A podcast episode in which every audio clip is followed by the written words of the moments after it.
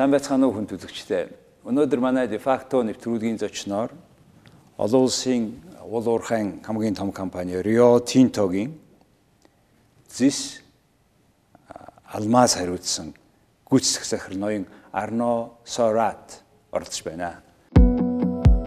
Arnaud Suarat оюутлага компанийн төлөөлөн удирдах зөвлөлийн гишүүн. Arnaud Suarat нь 2018 оны 9 дугаар сард оюутлага компанийн төлөөлөн удирдах зөвлөлийн гишүүнээр томилогдсон. Тэрээр Tinto дэх ажлын гараагаа 2010 оноос Primary Metal Group-ийн Европ, ойрхот орнод Африкийн бүсэн үйл ажиллагаа хариуцсан захирлаар эхлүүлсэн бөгөөд 2016 оны 7 дугаар сараас ZIS Очир Эрдэнэ группийн гүйцэтгэх захирлаар томилогдоод байна. Arnaud Rio Tinto-д ажиллахаас өмнө Alcoa болон Pichiney компаниудын Австрали, Европ дахь салбаруудын техникийн болон ашиглалтын төрөл бүрийн албан тушаалд 18 жил ажиллажээ. Тэрээр төмөрлөг уул уурхайн салбарт 25 жилийн турш дэлхийн өнцөг болон бүрт төрөл бүрийн алба хашиж үйл ажиллагаагаа болон бизнес арилжааны чиглэлээр ариун их туршлага хоригдлуулсан нэгэнлээ.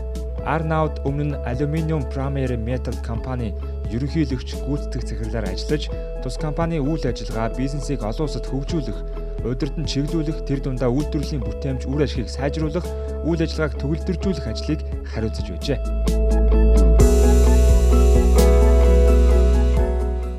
Good evening. Good evening, Jargal. Or Yeah. should I say Jargal? de Jargal facto, de facto. okay.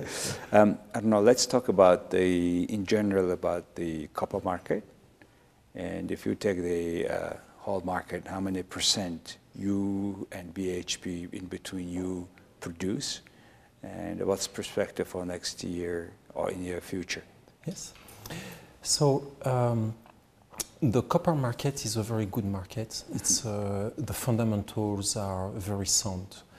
The, if you look at uh, the demand, the, we are predicting that the demand will grow by two to three percent per year, and this is uh, supported by some major transformations in society. Uh, all over the world, there is particularly in emerging economies, uh, th- there is more industrialization, more urbanization. Uh, there is also a drive uh, towards uh, uh, uh, renewable energy and electrical vehicles. And uh, when you, you look at all of those uh, uh, major changes, they need more copper. So, for example, if you compare a traditional vehicle with an electrical vehicle, an electrical vehicle will use up to five times more copper. And, uh, and so this uh, demand is very healthy. On the supply side, what we're seeing is uh, our competitors, unlike Rio Tinto, mm-hmm. haven't invested enough in copper mm-hmm. in the past. Mm-hmm. So uh, there is a natural decline in the production of copper, which is like any mine. It's because the grades are declining with time, and also some mines come to the end of their life, and new mines need to be opened. And what we've seen in the past uh, five to, to seven years mm-hmm. is there haven't been enough new projects mm-hmm. that have started, mm-hmm. new mines in copper, to compensate for this decline Oh, and mm. to also address the future demand, uh, which is going to continue growing. So when you put the two together, uh, most, if not all, of uh, the players in the market of copper are uh, forecasting a market which is going to become undersupplied in the early 2020s. Early 20. That so. Do you expect the increase of price with that? So uh, one should expect uh, an increase of price uh, during that period of time, and uh, it will be very good news if it happens because when you look at the underground project that we've got in Oyu Tolgoi, mm-hmm. the first production is mm-hmm. going to come towards the end of 2021, mm-hmm. and then we'll be ramping up uh, the underground mine, and therefore this new production is going should be coming at a time when the pri- there will be price pressure to bring the price up. Well, that's uh, in a very generally good coincidence that our project is finishing, and producing, and recently also uh, your uh, quarter three report was saying that the project may be a little bit, a bit delayed, or will it be any reflection? So uh, we've uh, pr- um, shared with the market Uh-huh. our uh, quarterly update on production, and Mm. if you look at specifically on copper, the market has received uh, our updates very well Mm-hmm. because what we're showing in this update is uh, we are growing our production of copper Mm-hmm. worldwide significantly compared to last year and by 2% uh, compared to the last quarter. And in this uh, uh, disclosure, we also shared an update on the underground project as we do on a regular basis. And we've just completed quite a formal, detailed review of the underground project. The project is progressing very well, and um, what the review concluded is uh, we are going to complete the project on budget. The first drawbell, Mm-hmm. eh, which is a key milestone for preparing for the block caving mm-hmm. underground, the first drawbell is going to be delivered on time, mm-hmm. and the full production uh, rate will be delivered on time. What we found is because we've got some ground conditions that are a lot more difficult than originally predicted, the, the ground is actually weaker than we thought, and therefore we need to do a lot more work to secure the underground uh, excavations. The, the- what we Wha- What uh, we, we found is uh, the first sustainable production is going to come a bit later compared to originally anticipated, and the, f- this will uh, um, happen at the end of 2021. And uh, but if you look at the bigger picture, this will have no impact on the cost and on the time when the full production is achieved. So, uh, overall total copper supply, how many percent of the world copper supply Rio Tinto has? Uh, Rio Tinto is uh, not a big player uh, and supplier, so we are the uh, uh, fifth uh, su- supplier of copper. The biggest supplier is Codelco, and so Rio Tinto will supply uh, between 6 and 8 percent of the market. Uh, six and eight percent of the market. But what we have is we've got outstanding assets, and therefore we are a very competitive uh, uh, supplier of copper. Uh, outstanding main OT. OT, uh, we've got also Kennecott, which is uh, a big open cut mine in uh, Utah, in, in the USA. It's 117 years old. It's the biggest open cut mine in the world. Uh, apparently, you can see it from uh, from uh, from space. Uh, I haven't tested it myself, but uh, I trust people who've said that to me. And uh, and uh, we've got also Oyu Tolgoi, Okay. and uh, we have uh, a big project in Arizona to develop a new mine uh, using the same technology, block caving underground, as what we are using in Oyu Tolgoi. You have been already producing there, block caving in Arizona. Uh, no, it's uh, a project uh, which is progressing. It's an early stage. Where do you use this uh, block caving now? We're using uh, block caving technology in diamonds at Argyle in Western Australia. It's uh, in general the same principle. Yes, and uh, this is uh, quite a complex technology. There are only three companies in the world uh, of copper that can master this technology. It's uh, Codelco in Chile, it's Freeport, uh, American company, which is using this technology in Grasberg, and uh, it's uh, Rio Tinto. Rio Tinto. And uh, the other asset that we've got in our portfolio is in Indonesia. This is a joint venture with Freeport in Grasberg, and we've just announced recently that we are selling out our participation to the government of Indonesia. Before we go into Mongolian details, I want to ask just one question concerning the uh, now world kind of trade tariff in between China, in particular the U.S., will it uh, reflect somehow on OT? In which way then? I think uh, it's clearly uh, a risk for the world economy, Uh-huh. and it's clearly a risk for the trade globally. Uh-huh. Uh, Rio Tinto is a company that exports Uh-huh. uh, most of its uh, products, Mhm. and therefore it's important uh, Uh-huh. for our company to be able to work in an environment Uh-huh. where there are good, predictable trade agreements.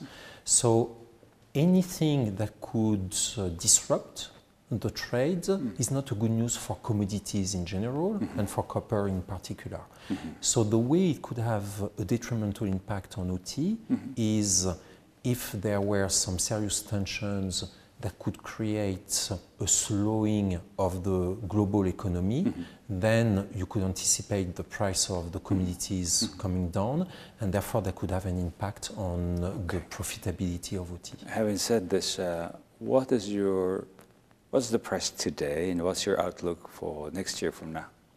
So the price today is around uh, 2.80 dollars uh, per pound. Uh-huh. And uh, if you compare to what the market was anticipated, uh, the price is lower than anticipated uh, Uh-huh. this year. And the main reason for this uh, are twofold. Uh-huh. Uh, one is uh, the trade tensions in the world that we've Uh-huh. just discussed about. That is putting some pressure Uh-huh. downwards Uh-huh. on the price. And also, uh, the market at the beginning of the year was anticipated some quite a lot of disruption in the supply of Uh-huh. copper because there are many labor agreements Uh-huh. that needed to be renegotiated, Uh-huh. particularly in Chile. Uh-huh. And history shows that some of the these uh, labor, labor negotiations can be difficult, Ah. and uh, therefore there could be some strike. And typically, on an average, a year, 5% of the worldwide supply Mhm. is uh, lost because of different problems. Mhm. So it could be labor related, it could be weather related, technical issues, and so on. So people at the beginning of the year were expecting a higher percentage of lost production Mhm. because of disruptions. However, those negotiations uh. went uh, pretty well, Mhm. and uh, including in the joint venture that we've got in Chile, uh, where we could negotiate a labor agreement without any disruption. And therefore, the average uh, year to date uh, for uh, the uh, uh, disruption is around 2%. Mhm. So, Only 2%, uh, so, actually there, so there has been more supply Uh-huh. than originally anticipated, That's price and, and, and that has put a bit How of about next pressure. year? On next year, uh, we, we think actually for the foreseeable future, the coming years up to early 2020s, the market is going to be either oversupply or undersupply, so balance essentially. And uh, therefore, we think that uh, the price would be pre- pretty similar to what it is now, To, to with some variability. What is in terms of uh, in tons in US dollar? Tons and US dollar? Uh, that's uh, around uh, $6,500 per ton. 6,500 $7,000 USD. per ton. Well, I'm asking this one because Mongolian budget, uh, 80% of our export depends on the mining, and uh, 40%, 40% both dependent on copper. So that's why our it is also a key issue for Mongolian budget. So let's back now. Let's go to to OT. Recently, unfortunately, there was a fire, and even with your level of security, you have this uh, incident. What exactly happened and how you had solved the issue? Yes. So uh, it's important to understand that the incident that occurred at OT is not unusual in mining in general and in the underground mining in particular.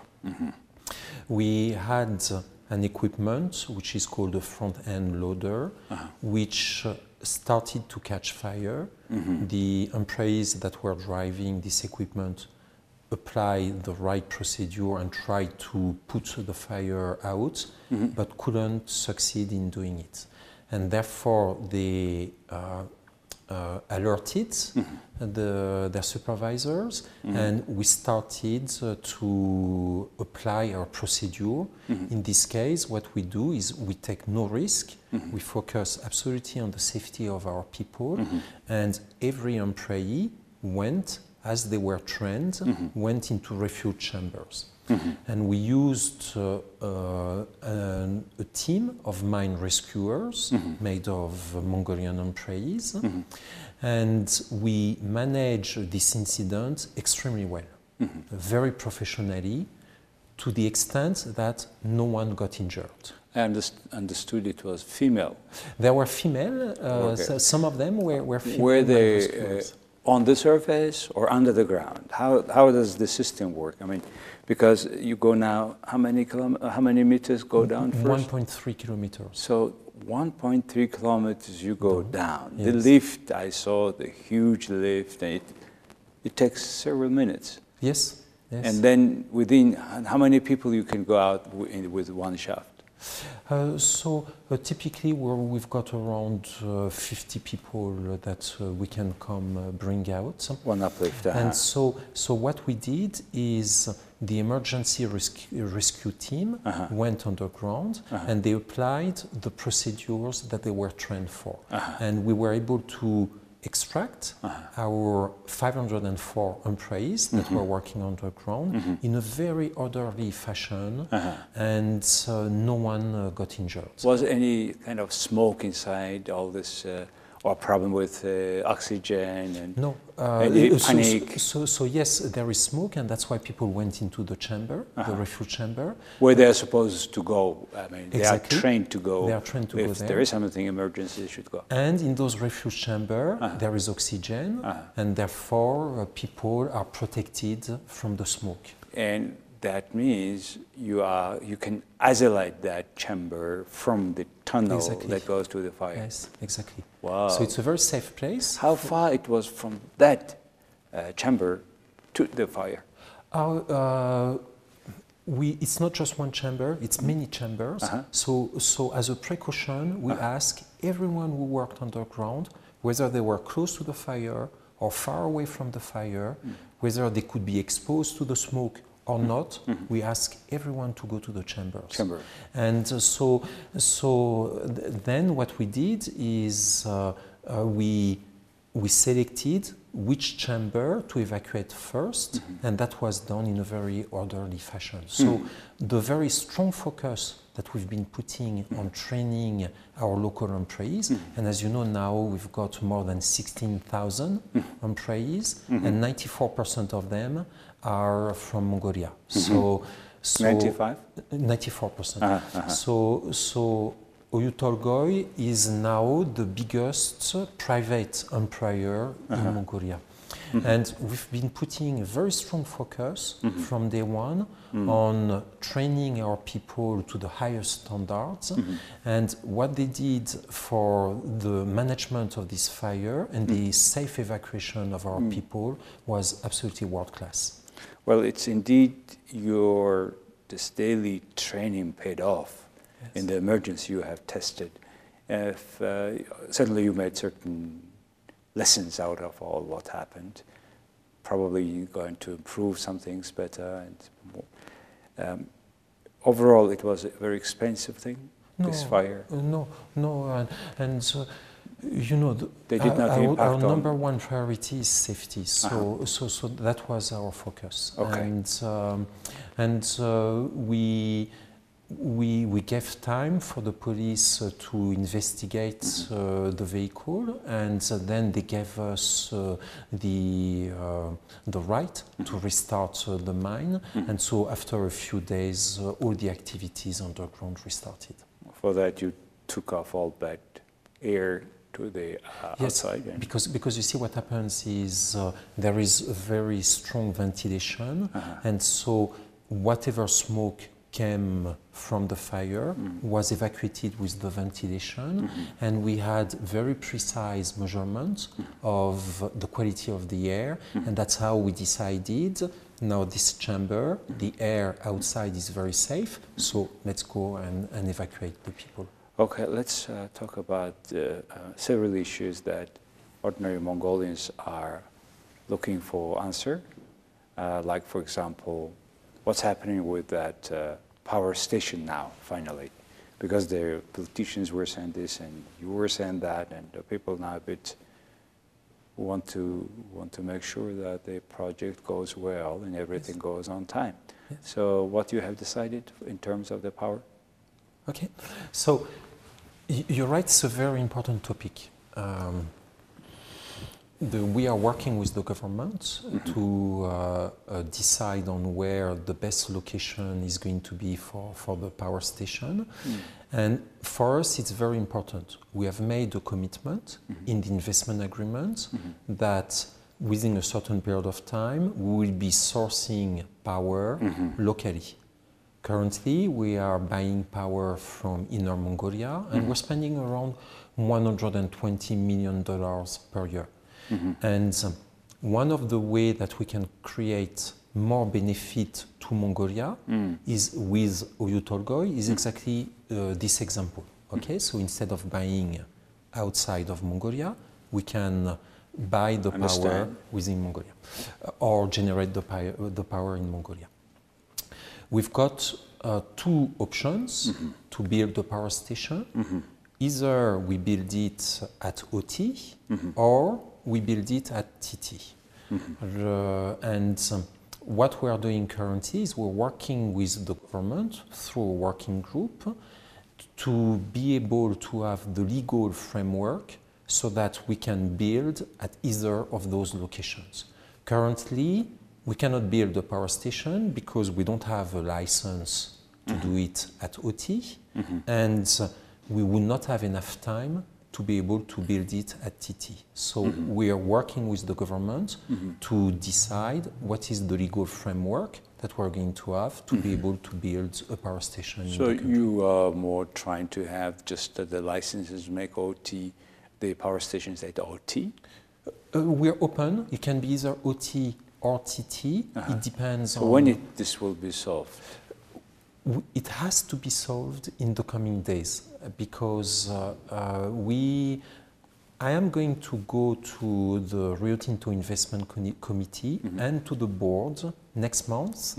And so, in the coming days, we need to have a decision with a legal framework that tells us this is now we are empowered and we've got the legal support to be able to build a power station. Will it be a kind of problem when you make uh, now power stations, you mine yourself, you have a road, probably down the road there will be a railway, too much uh, concentration of all value chain stages in one hand? Uh, you know, if someone wants to build the power station for us, we're very open for it. Okay, Uh, so we, we don't have to do it ourselves. So what will be the Others size? can do it. Size of power station? It's going to be uh, around 300 megawatts. 300 megawatt. Yes. Well, still, it is uh, not a very small one, not very big one, though uh, you require additional investment. If we were to do it ourselves, it- we require additional investment. If others want to invest in it, then we can contract and buy uh, the power. And what is the option of the TT? So- How about making uh, that uh, stations at TT? Yes, uh, so we've done already a lot of work with, we've got quite a big engineering team in the country and overseas working on developing uh, the power station project. And uh, most of the, the work has been done on OT. So in OT, we've got a very clear idea mm-hmm. of uh, the quality of the ground, mm-hmm. of the availability of water, mm-hmm. and so on and so forth. Okay, so we know that we can build a power station in less than four years at OT.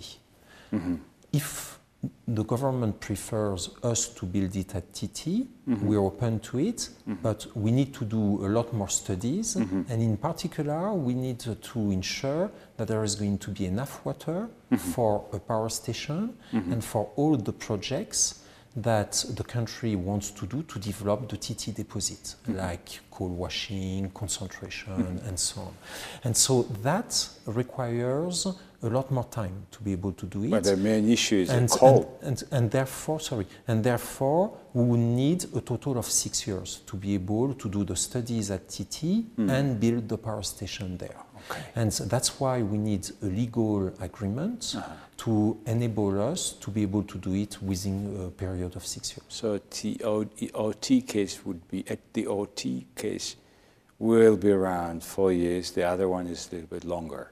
Yes. I understand. Yes. Okay, let's uh, talk to a little bit uh, about the. Uh, well, I mean, per month, how much tax you have been paying to Mongolian coffee? So uh, I'll tell you per year. Uh, per year, we are uh, paying around uh, 250 million dollars. 250. Uh, this has made us the biggest taxpayer in 2015 and 2016, Uh-huh. and the second biggest taxpayer in 2017. What, who was the number one in uh, 2000? Uh, Erdenet, okay. All right. Uh, now, with this, uh, well, I'm not talking about even the 16,000 people employment, right? It's just tax to the state, to, to the government. Well, that is taken. Um, there is a concern. There is a even draft of law, uh, currency regulations law draft. Maybe you already know, in which they suggest that Mongol Bank will be kind of uh, checking, having a checking account with you in particular, and maybe after you other the so-called strategic deposit producers. You know, how do you see that? Because then it, it's because we have double two tires banking system. Now we have suddenly our Mongol bank, the central bank, having your checking account. Um, how do you see that? The draft. We, we think it's uh, a potentially quite a serious issue for Mongolia uh, for different reasons. So, the first reason is uh, transforming a central bank into a retail bank mm-hmm. is something that is up to Mongolia to decide. Mm-hmm. But I think it's important for people to understand that there is no precedent. Mm-hmm. The, a central bank is usually not a retail bank and is, is independent. On top of it, uh, we are currently send, uh, sending the revenues of our sales from OT mm-hmm. in a foreign bank. And this mm-hmm. is something that we're fully allowed to do. Mm-hmm. We've signed an investment agreement with uh, the government of, of Mongolia, mm. which allows us to do so. On top of it, we've borrowed uh, $4.4 billion to 20 international lenders. And a very strict condition of this project financing from the lenders is that the revenues go to a foreign bank. And this is just business as usual. How This many is, banks? uh, 20 in total, including, uh, including uh, uh, IFIs Yes. like uh, the IFC, yes, EBRD, and so on. Okay, and so the lenders are requiring us to have the revenues paid in a foreign bank, Mm-hmm. and this is non-negotiable for us. So you, you may remember that uh, a year and a half ago, Mm-hmm. the government considered putting uh, in uh, in a law resolution 111, Mm-hmm. which was essentially trying to do the same thing as what currently the currency settlement law is trying to do. And the, at the time, that created a very serious issue because it was a breach of our investment agreement mm-hmm. and it would have been a breach of uh, mm-hmm. the project financing. Mm-hmm. So now, when you look at why would it make any difference for the country? So currently, all the revenues of Oyu Tolgoi are going into a foreign bank. From this account, we are using all of the money back into the country to do what? First of all, to pay salaries, mm-hmm. okay? Then to pay taxes. Mm-hmm. So we, we, we, talked about taxes. Mm-hmm. Since the beginning of the project, we paid 1.7 billion dollars of taxes to Mongolia. And also 80% of all of our purchases are done in Mongolia. Then we are also investing $1 billion per year underground. So not only are we bringing all the money back to Mongolia, mm. But we're bringing even more money. So the, this uh, uh, proposal of a law which is trying to force uh, uh, companies like OT to have uh, their revenues in the country will make no difference financially for the country. The Mongol Bank, uh-huh. Yeah. However, it's a potential problem because it will be a breach of agreements. the agreements not only with Mongolia but also with the uh, banks that are financing all the project. Yes. Seven billion dollars were raised from those banks, and of course, instead of asking collateral, they just ask you to go through their accounts all the money. Yes. Because this money is coming from them anyway. Yes. oh, I see. Okay. Uh, last questions. Uh, But, but the key point, sorry, is all the revenues from OT are coming back to the country and more. Last question is a Yes, bit more thank about uh, individually. You you are responsible for these two major metal metals. I don't know, diamond is metal or not? Oh, no, diamonds is uh, uh, a- a stone. Actually. Okay, a stone. But a beautiful one. And uh, it says that the diamond is, you know, the most tolerant coal because it was so tolerant that it became so expensive. So you are responsible for this uh, copper and diamond. Of the Rio Tinto, you have all around the world these mines, etc. You keep traveling a lot, and how you keep that uh, fitness with you in that way? Yes, yes, that's a great question. So, so let me just make a point about diamonds because indeed you're perfectly right. It's like coal, but in a different form. Yes. Okay, it's carbon, and I like to think of it as the most beautiful form of carbon capture in the world. okay. And uh, so now, yes, I travel a lot. You know, I, I come to Mongolia uh, one week every month. Okay. Uh, so this year is my 10th uh, visit Okay. in Mongolia. And it really shows actually the Rio Tinto and my personal commitment to the country. Mm-hmm. The Mongolia is very important uh, to Rio Tinto and to me, and therefore I come on a very regular basis. That, that means that actually I'm literally spending more time in Mongolia than I am in London. So I'm I supposed see. to live in London, but the reality is, is I'm spending more time here. According to your wife. yes. and, and so, yes, indeed, because I'm traveling all over the world, uh, jet lag is quite a challenge. The way I'm uh, actually managing the jet lag, I found the recipe for me. I do a lot of sports. Uh-huh. So early in the morning, here in the Shangri-La Hotel, there is a beautiful gym. Yep. Early in the morning, 6 a.m. If you come tomorrow, you will see me Okay. Exercising for one hour on a Alright. bicycle, Uh-huh. and and this is what has been helping me to uh, to manage the jet lag. Uh-huh. And on top of it, I like nature a lot. So whenever I've got an opportunity, I go and walk. I Uh-huh. do some cycling. I do a lot of skiing as well, uh, and many things outdoors. Yeah, You do well with that, certainly. and um, with your leadership, I hope the whole project will go on time. You know, because it's a democratic country, we discussed today what is the possible outcome of this draft law, for example. And then the lawmakers will think about that. People also will understand what's going on about. So anyway, I would like to thank you for coming to this program and uh, sharing your thoughts to Mongolian audience. And, you know, I a couple of weeks ago, I was in uh, Russia, in Irkutsk. I told there were Chinese, Mongolian, the trilateral academicians, people were sitting down together. And uh, I told them, look, Mongolia is a bit different than you guys. It's different animal, though small.